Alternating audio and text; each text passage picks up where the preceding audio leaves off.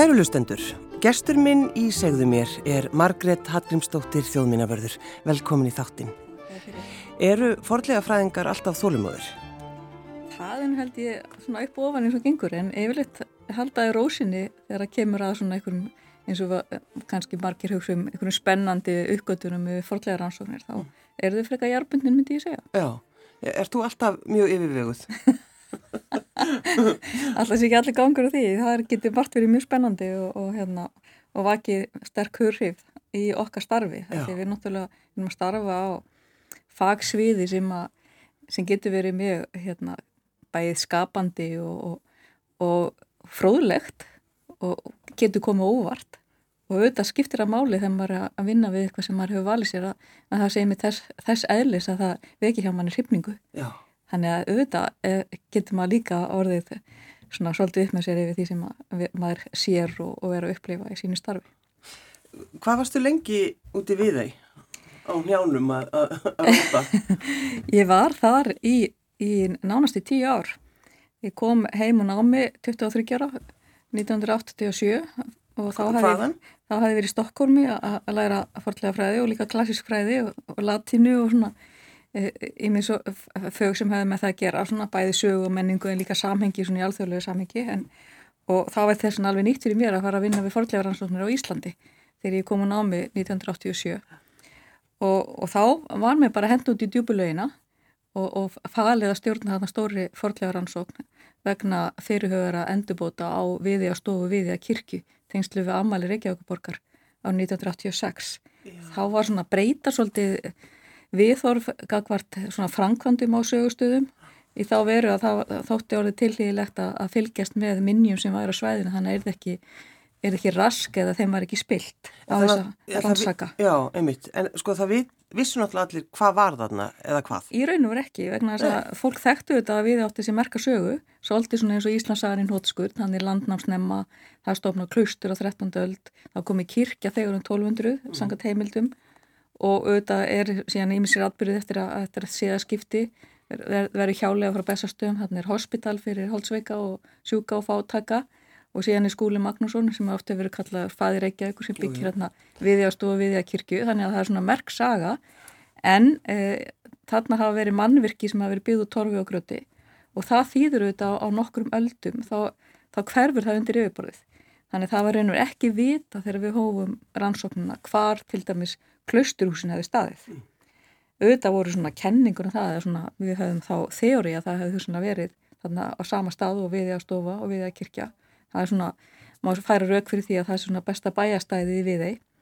Þannig það var auðvitað mjög spennandi þegar til stóða að, að gera við húsin og byggja jarðhísi á bakvið viðið á stofu sem auðvitað myndi hafið fyrir með sér mikið jarðrask að það er það að kanna hvað var undir yfirborðinu og það var gerður svona könnunaskurður 1986 sem að leiti ljós og þarna væri nú eitthvað spennandi að finna þó væri ekki hægt að sjá hvað eða hversu gamalt eða hvers eðlismannurkin hefði verið.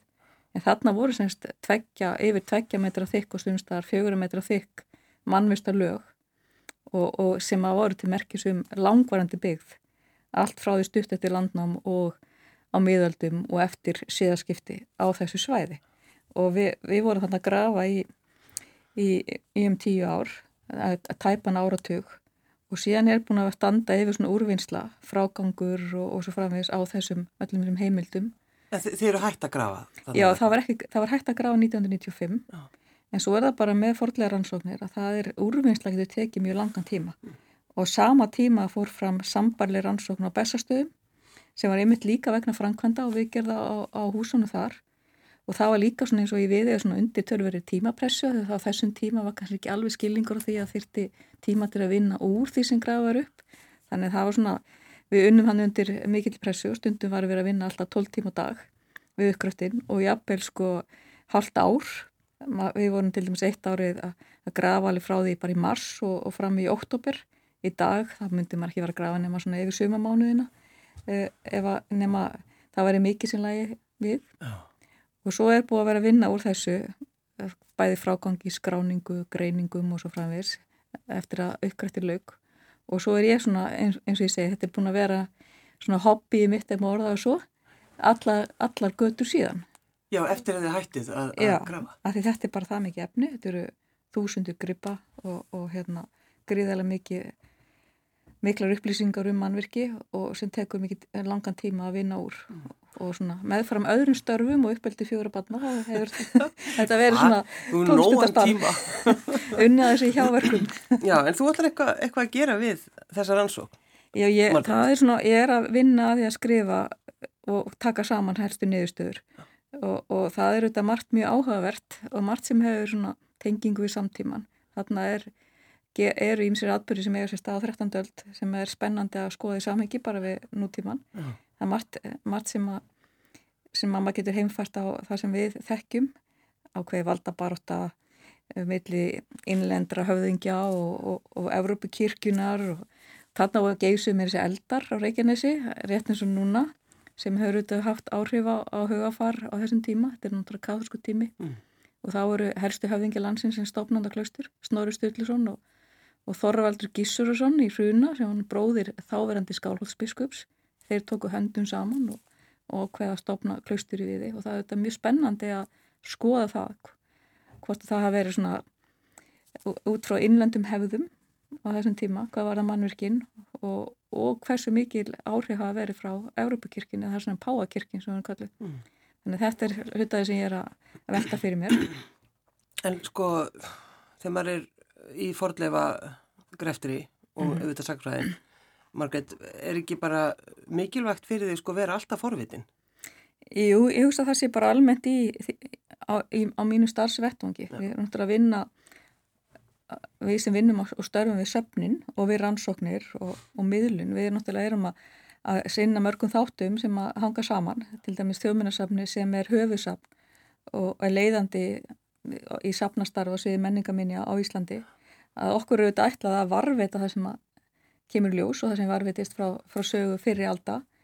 Uh, okkur er ætlað að skráða og gera það aðgengilegt til rannsókna stuðla rannsóknum til þess að skapa nýja þekkingu til þess að stuðla af svona auknum skilningi á mannlífi og, og svona samfélagsþróun. Og svo er þetta mikilvægt að á þessum grunni að miðla með síningum, útgáfu og svo framvegst til, til allra okkar gesta og almennings og líka ellendra gesta þannig að meiris að þjóðminnesöfni er líka mikilvægur áfangastæður ferðamanna. Þess vegna hefur þetta faraldurinn til dæmis haft mikil áhrif á starfseminni hjá okkur að því um 80% okkar gestum eru ellendi ferðamenn sem eru jafn forvitnir og, og viðunum þegar við erum í útlendum um sögu þessa lands.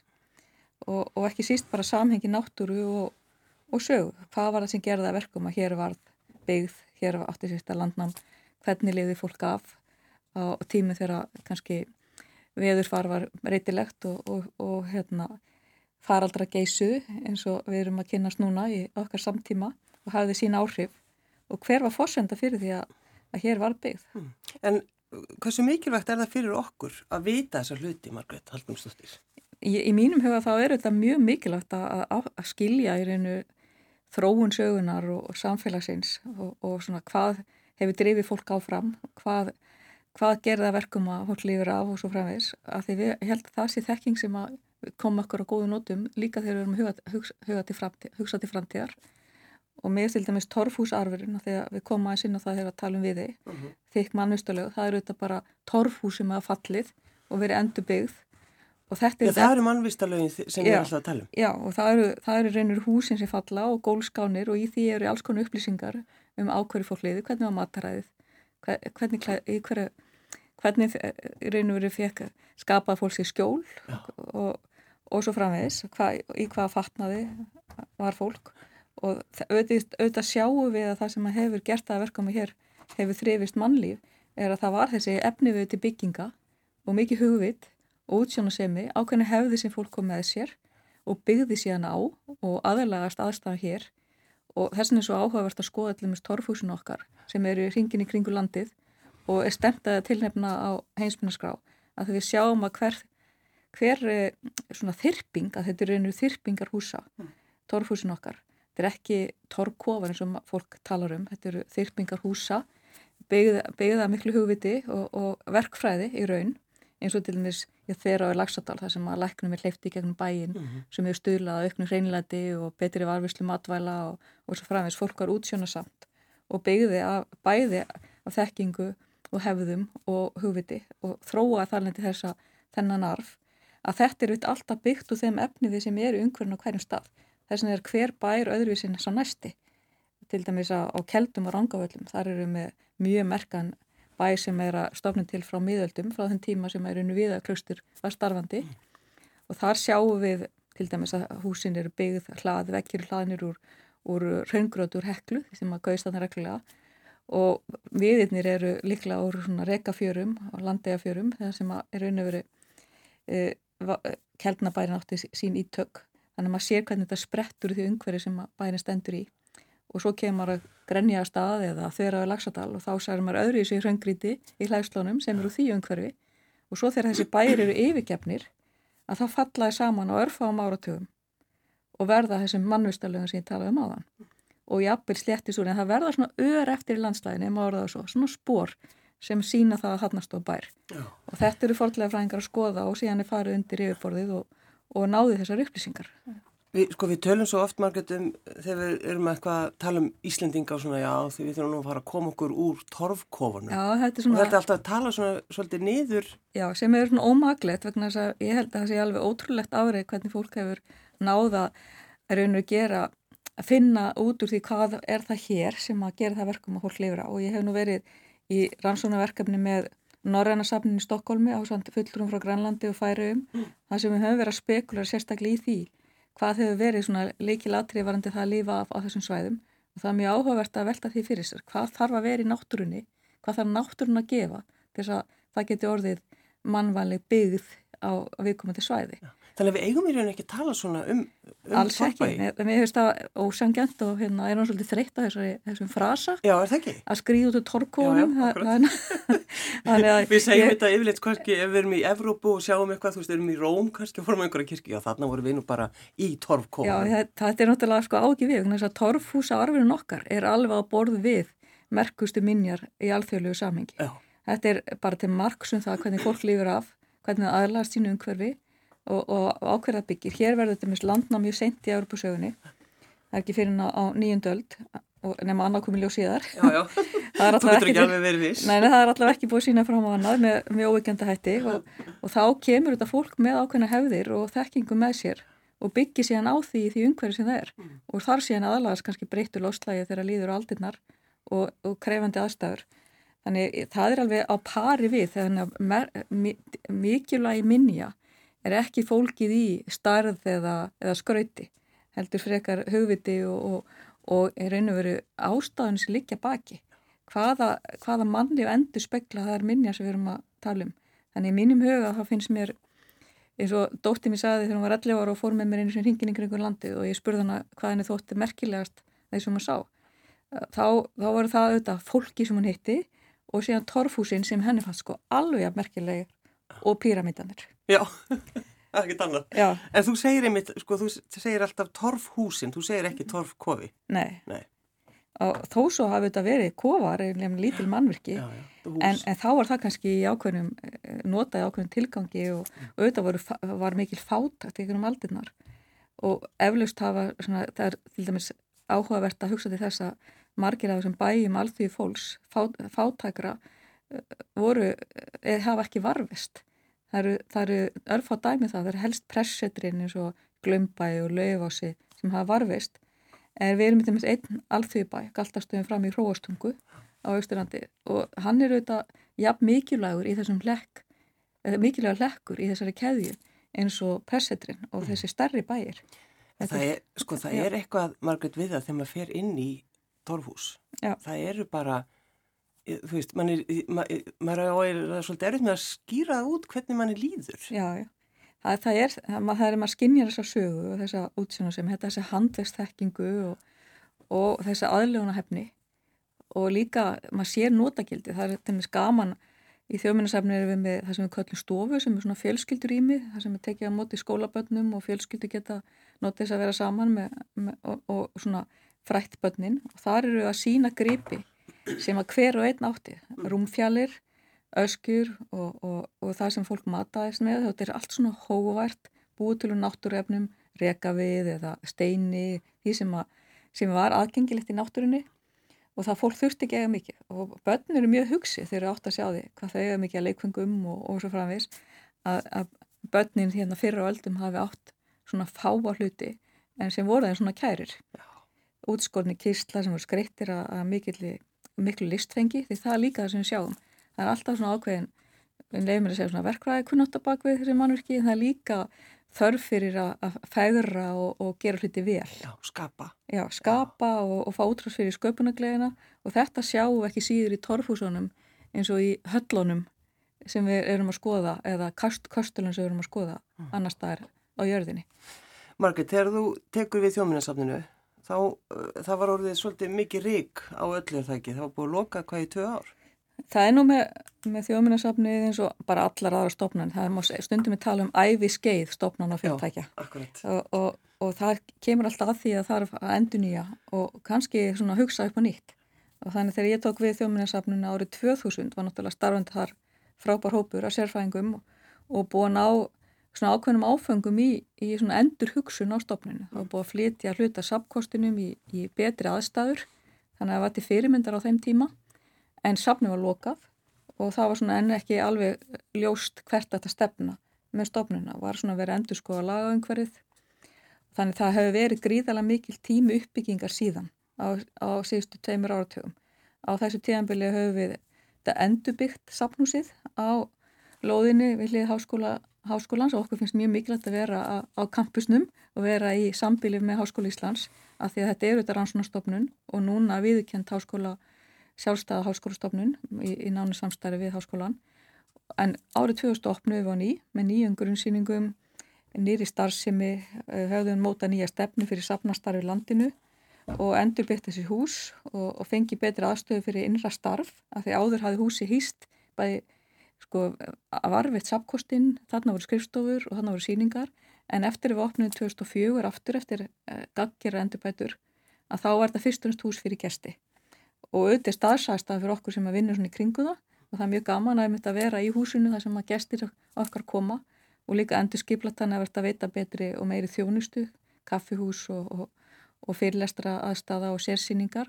Og síðan eru höfum við verið að vinna því markvist síðan að, að búa öllum sapkostinu örug skilir því og nú erum við komið með ná þeim áfanga sem er mjög mikilvægt og raun og veru eh, fáastofnarnir sem hafa náð þeim árangri hér á landi að koma öllum sapkosti okkur í, örugahöfn og það er bæði á, á, í Hafnafyrði og Kópavogi og Eirabakka að því við erum náttúrulega með sko gríðalega marga grípi í okkar vörslu allt frá landnámi til þess okkar daga, okkar dags og síðan eru við með um 7 miljónir ljósmynda, stórt ljósmyndasafn. 7 miljónir? 7 miljónir ljósmynda sem er allt skráði og allt er þetta skráði menningarsögulega gagnangurinn í SARP, það er sarp.is og, og síðan eru við með um 70 byggingar um all land. Og þetta stórt þjóttasafn með, með miklu með heimildum um mannli fyrraöldum og þetta er svona það sem við kallum sapkosturinn sem við varvetum mm.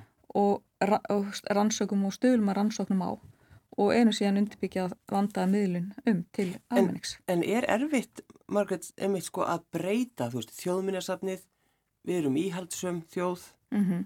og uh, safnið opnað á nýtt og þá kannski hefur einhvers að tegja, hvað er hérna alltaristablan sem var alltaf þannig inni já, já. í þessum sal og beinagrindin, þú ert búin að færa hana á... Já, fólk get ekki vænt um safnið sitt og það hefur við upplifið nú þegar hjá okkur og þess vegna höfðu lögðu tölvöld mikla áherslu á það að það væri svona ákveðin, ákveðin atrið sem við myndum varfita uh, eins og, og hafa eins og það hefði verið áður. Til dæmis vildum við gætna að hafa bóasalinn eins og hann hafi verið. Hann er síningar aðstæða fyrir sérsíningar sem fólki þótti greinlega mjög væntum Já. og ég finna að fólk kann að meta það að bóasalinn er á sínu stað mm -hmm. og, og svona svæði fyrir það sem við kallum forsalinn fyrir framann bóasalinn.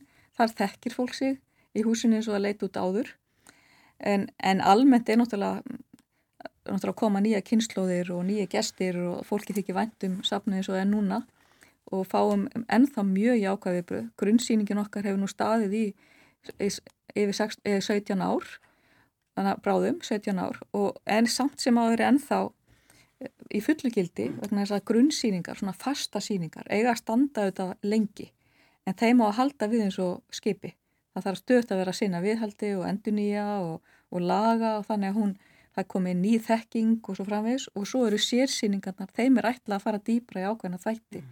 sögunar og þar eru við bæðið með sérsýningar í bóasal. Núna til og með stendur við með áhugaverð rannsónasýningum, forlega rannsónar á hofstöðum mm. og svo niður er myndasalur. Það var okkur mjög mikilvægt atriði að þeirra húsi var endur byggt og endur skipulagt að þá eru góð aðstæða til að sína ljósmyndir. Og það hefur verið mjög spennandi og skemmtilegt eh, starfi kringum það.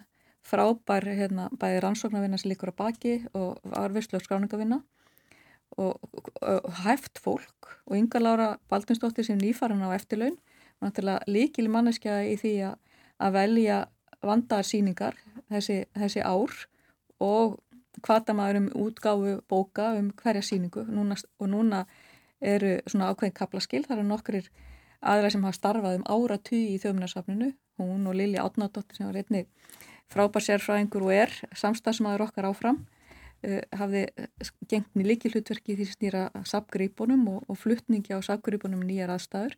Þær eru farnar eftir laun en eftir líkur greiðlugur árangur í bæði síningum, útgáfu og. Og skráningu á þessum sapkosti. Þú ætla ekki að eigða símanúmurinn en að yngu? Nei, nei, nei, nei.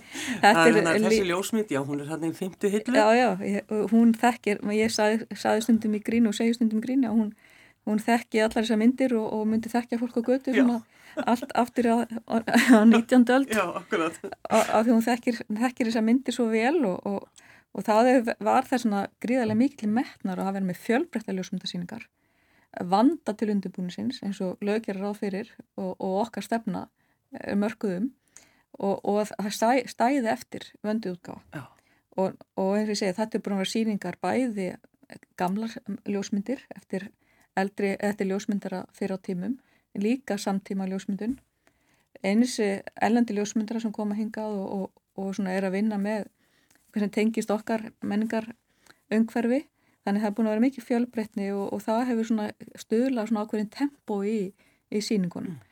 af því að síningar í bóðsal sem er á gripum og rannsóknum standa gerna lengur en við höfum, getum left okkur það að, að skipta oftar um síningar í, í ljósmyndasalunum og núna er þetta með síning sem hefur vakið mikla aðtikli og og fólk verður að ná að sjá að hún fyrir niður bráðlega og það er síninga á verkum spessa Frábær, frábær síning Já, alveg ótrúlega hérna, innihaldsrík og, og, og spennandi síning sem að ég hvet hvað fólk til að koma að skoða.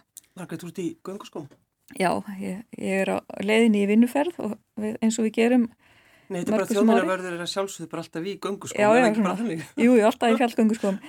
Og við erum semst, ég og samstagskona mín Ágústa, Kristúsdóttir, við erum að fara í svona eina af okkar vettvansferðum þar sem við erum að, að fara á þessa stað þar sem við erum með hús. Við erum með semst, þessi 70 húsum all land og þar eru verktakar og, og, og líka íbúar sem við viljum gætna verið góðum samskiptu við Það er náttúrulega þessi starfsemi á landsvísu sem við kannski, Já. maður gerir sér ekki grein fyrir, maður heldur bara þetta er bara þjóðmjörnarsafnið og það er bara það. En Já. kannski, Margreit, er mér þetta að segja að þegar við keirum fram hjá uh, Torfbæ mm -hmm. sem stendur uppi og er fallegur, þá vitum við að það eru þið sem sjáuðum hann. Já, það er svona mjög, mikla líkur á því. Já, já mikla líkur. Já, að því að sko það þarf til að torf, torfhúsin varvitist og þessi torrbæir að þá þarf við þetta anda að svona reglubundnu viðhaldi. Þannig við þurfum að halda þessum húsum við árlega. Og ef það, ger, ef það er ekki gert þá fallaði mér hratt. Og, og bara fara aftur til náttúrunni eins og ég segi stundum. Já, og samlægast aftur sínu umhverfi og við, við, förum, við förum reglulega og erum með starfsemi um alland þar sem við erum að halda við þessum byggingu. Þetta eru bæði torfhús, torkirkjur, steinlæðanhús og timburhús sem tilhera húsasafni þjóðminnarsafsins og er svona e, ótrúlega mikilvæg held sem, a, sem a, við varvitum og þurfum auðvitað að vera miklu samtali og samstarfi við fólk á svæðinu, bæði sveitafélagin, söfnin og öll viðkjöndsöfnir líka í rauninu hluta af, af okkar teimi, um orða og svo, mm. þjóðminnarsafni er leðandi höfusafn og móta stefnu fyrir viðkjöndsöfn og sum þeirra eru starfandi í þessum húsum eins og beðasafn ánisinga, beðasafn skáferinga minnisafn á Akureyri og svo framvis. Þannig við reyðum okkur á, á samstarfi við söfnin á landsbygðinni. Skiptir jafnmiklu máli fyrir okkur eins og þau að vera í þessu góða samstarfi. Þannig að þetta er svona, þetta er starfsu vettvangur þar sem að, að við erum störfi mörg og, og erum með starfsafstöðu við það. En þjóðminnisar ber ábyrð á þessum húsum og, og hérna, þarf að sinna bæði því sem snýra viðhaldinu og líka miðluninni. Að því margir af þessum stöðum eru áfangastæði fyrir ferðamenn og við erum að vonast í þessa að því nú er nýja heimsminni nefnd að taka til starfa þar sem að ég á sæti á svona mörgum öðrum og, og, og undir formensku mentamálraðandi sinns þar sem að við erum að vonast í þess að það verði farið að undibúa tilnefningu á torfúsarfinum á heimsminaskrá af því þetta eru þetta minjar sem eru hafa alþjóðlega alþjóðlegt mikilvægi og eru einstakur menningararfur. En tekur það langan tíma Já. að sækja, sækja eftir því? Já, það er alltaf mjög svona tíma, þetta er alltaf verkefni sem tekur langan tíma og í raun og verður það ferðarlega sjálft sem skiptir mestu máli. Af því þetta er raun og verður ákveði veitir ákveði aðhald, hvernig er staðið að varfurslun á þessum byggingum og við höfum haft þetta í raun og verður leiðiljósi núna í ára tugi að þetta sé það sem sé stemt að. Það þýðir að við verðum að standa vörðum upprunaleikan, við verðum að standa vörðum það að þessum bæjum sé haldi við með réttu handverki, það sé rótaður réttur efni viður, það sé ekki verið endun í að meira heldur nöðslut er. Þannig að þetta sé... Við komum inn með því? Það, það til mis ekki hægt að rýfa niður torpa þá að sé hann hrörlegur og bara gera... Gera nýja? Nei, það verður að laga það sem það er að laga en halda í það sem að, sem að halda í sem allra mest. Þannig að tilfinningin og uppröðanleikin eins og við kallum það að það sé staði vörðum það Já. og þess vegna skiptir miklu máli að, að vera ekki að endun í áþörfi. Mm. Stundum var hérna áður fyrir vera kannski að laga gömul hús bara með því hreinlega að rýfa og byggja upp og nýtt Já. en það, það getur ekki gert. Já, það ge gerum ekki með, með torfhúsin. Það skiptir veruleg máli sem mest sé upprunlegt af því sem að það er og það er kannski bara verið að gera við það sem nöðslega þarf að gera við. Og ég ætti nátt aftur sama efni við eins. Já, einmitt. Er, er það það sem þú ert að fara til þess að gera núna? Þú ert að fara norður Ertu þá bara svona að skoða og sjá eða hvað er það? Bara að fylgjast með það? Sko það er ekki síðan mikilvægt bara að hitta fólki sem tengist þessum stöðum Já. og það er auðvitað áhuga að verða líka við starfið. Það með skinnust náttúrulega frábæru fólki á, öllum, á það sem þessi bæi standa og, og söfnunum og þessi tengsl er svo mikilvægt. Þannig að við erum bara svona uh, fylgjast með og, og, og sjá hver staðan er og svona uh, fræðast. Mm. Þannig að mér finnst það að vera svona, ef ég, ætta, ef ég væri að spyrja því hvað verður svona áhugaverðstu starfi, þá er kannski þessi tengsl að, og þessi samskipti við þá einstaklingar sem tengjast öllum sem sögustöðum okkar. Og svona, þar, þar verða til hugmyndirnar og þar læru við líka af reynslu til dæmis bænda sem hafa, hafa beina tengingu eða ekki eppil hafa alveg stupi í þessum bæjum. Maður hefur aldrei slært mikið af þeim, svona hvernig var staðað við heldunum, hvernig var staðað viðgjörunum hvað gerði afi og, og svo framvegs og þetta þurfum við að passa upp á. Sem betur fyrir ennþá til fólk sem svara þessum spurningum. Já, við erum svo heppin og, og hérna, ég hef náttúrulega kynst frábæri fólki og, og enn eru fólk sem mann langt aftur sem tengist þessum bæjum okkar og hérna, hafa svona verið mikilvæga leismenn í það að standa vörðum þessa, þessa minjar. Þannig að það séu, það standu skoðum þegar það kemur að til dæmis því að meta hvort að minjar er erind á hinsminnarskrá þá eru þetta meðal hann skoðað en það er líka óaþreifulegt gildi sem að fylgir þessum minnjum, þar að segja að þessi handvistekking og það, þar þurfum við að læra af þeim sem áður hafa uh, unnið við handverkið. Mm. og svo kom upp svona aðstæðir eins og til dæmis, það stóð til núna að výja Krísuvíkur kirkju núna, núna, núna bráðlega en það er ekki hægt vegna faraldusins að hafa þessa aðtöfn en það verði næsta vor. Og það er saga að segja fyrir því vegna þess að Krísuvíkur kirkja var hluti húsasafni þjóminnarsafsins eina af þessum eldri 19. aldar kirkjum sem við varveitum, Timpurkirkja og því miður var, eh, var kveikt í henni fyrir um áratög síðan. en við, tók, við vorum í góðu samstarfi við, það var skapað vinafélag í kringum kirkjuna sem hefur verið mjög hvetjandi. Og síðan tók við upp samstarfi einskólan í Hafnafyrði og í nema og kennara sem hafa á grundvelli í raun og veru heimilda sem að vera til í okkar rannsónavinni, skráningu, uppmælingu á kirkjunni og ljósmyndum og svo framvegi sem við eigum, auðvitað mikilvægt heimilda efni um Krísjúkirkju, hafa nefndur og kennarar í Hafnafjörði, endur byggt kirkjuna undir okkar leysögn og, og, og, svona faglegur ágjöf. Vá, þetta er nú bara besti skólinn. Já, þannig að við hefum veru þarna fengið tækifæri til þess að leifa ungu fólki sem er að læra handverkið, að læra þessi, þessi vinnubröð mm og útkoman er svo að það er, komin, það er búið að byggja Grísjökukirkju upp og nýtt og hún er auðvitað ný núna en hún byggir á þessum hefðum. Já. Þannig að þetta óaþreifulega gildi minjana er ennþá til staðar og þekkingin, hef, við hefum náðað að fá tækifæri til að dreifa þessari þekkingu og þessari tilfinningu fyrir því hvernig maður gerir upp gömulhús. Þau hafa notað, krakkarnir hafa notað verk, tilhörandi verkværi og aðferðir mm. og byggt á þessum heimildum og ég er að vonast til þess að þetta muni hafa áhrif víða annar staðar þar sem hefur verið að laga gömlús. Er búið að finna allt sem er að finna á Íslandi, Margret? Nei, það held ég að sé langt í frá. Það er, það er alltaf eitthvað nýtt okkur með ljós í, í rannsóknum. Bæði fordlega fræðinga og þeim sem er að vinna við gömlu húsin og, og í öllu sem snýr að menningarsögu okkar, þá er alltaf eitthvað nýtt okkur með ljós og ný vísindi er að, er að gera klifta að að fá ennþá meira út úr þessum, þessum minnjum. Bara um daginn núna, þessi gullringur og húfan? Já, já, og svo erum við svona þekkt og það var ekki mikið áhuga í okkur að við, við höfum verið að ná að nota í, í auknum mælu svona raunvísindalega aðferðir í samstarfi við raunvísindamenn þar sem hættir að nota DNA greiningar, isotopa greiningar og annað til þess að reynilega bara kynnast þessi fólki og fá nánar upplýsingar um það hvað fólk borðaði, hvað það bjó og, og hérna, hvernig það klættist, hvaðan, hvaðan ullin var og, og svo framvegs. Það, og hver uppbrunnin hefur verið. En það eina sem við vitum ekki er hvernig fólkinu leið. Nei, við vitum ekki hvernig fólkinu leið, kannski beinlega en, það er að vera með alls konar kenningar, en við vitum kannski, við vitum til dæmis að þeir sem komu hinga þegar landnámátti sér stað var fólk að blöndum uppbruna og þá er ég að minna að þetta voru blandaðir hópar fólks sem var ímist fættir á Norrlundum eða aftur eftir reykja þangað eða Breitlandsegja og fólk kannski ekki eins upptekið að landamæru þá eins og við erum í dag, já, já, og, og kannski ekki eins upptekið að því hvað það væri. Og ég held að fólk hafi ferðast og fært sér til á jörðinu meira heldur en við gerum okkur grein fyrir. Og nýja rannsóknir er að sína það. Og ég held að það sé ágættis lærdómur til okkar í dag þegar fólk þarf að flýja stríð og annað að við þurfum að vera meðvutið um það er og Heldur við eftir að fara aftur að róta í moldinni, Margret Hallgrímsdóttir? Ég, ég hugsa, ég hugsa að það sé kannski ekki endilega máli. Ég hef náttúrulega búin að vera að starfa sem sapstjóri í 30 ár og, og auðvitað vera að sinna svona eins rannsóknum með fram en fylgjast aðla með rannsóknum annara og stuðla þeim og stuðja við þær.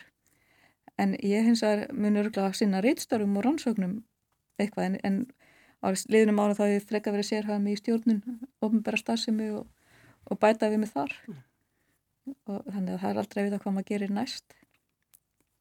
Margret Hallgrímsdóttir, þjóðmjönaverður, takk fyrir að koma. Takk sem leiðis. Þú kistir mína hand í húmi um nótt og haustins rigning á sölnað græs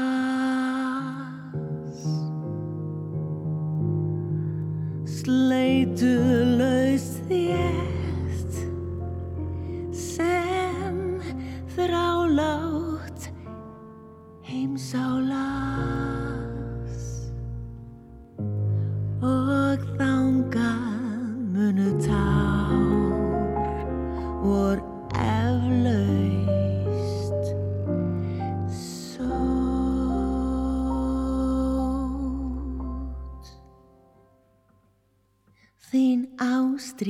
trabajar.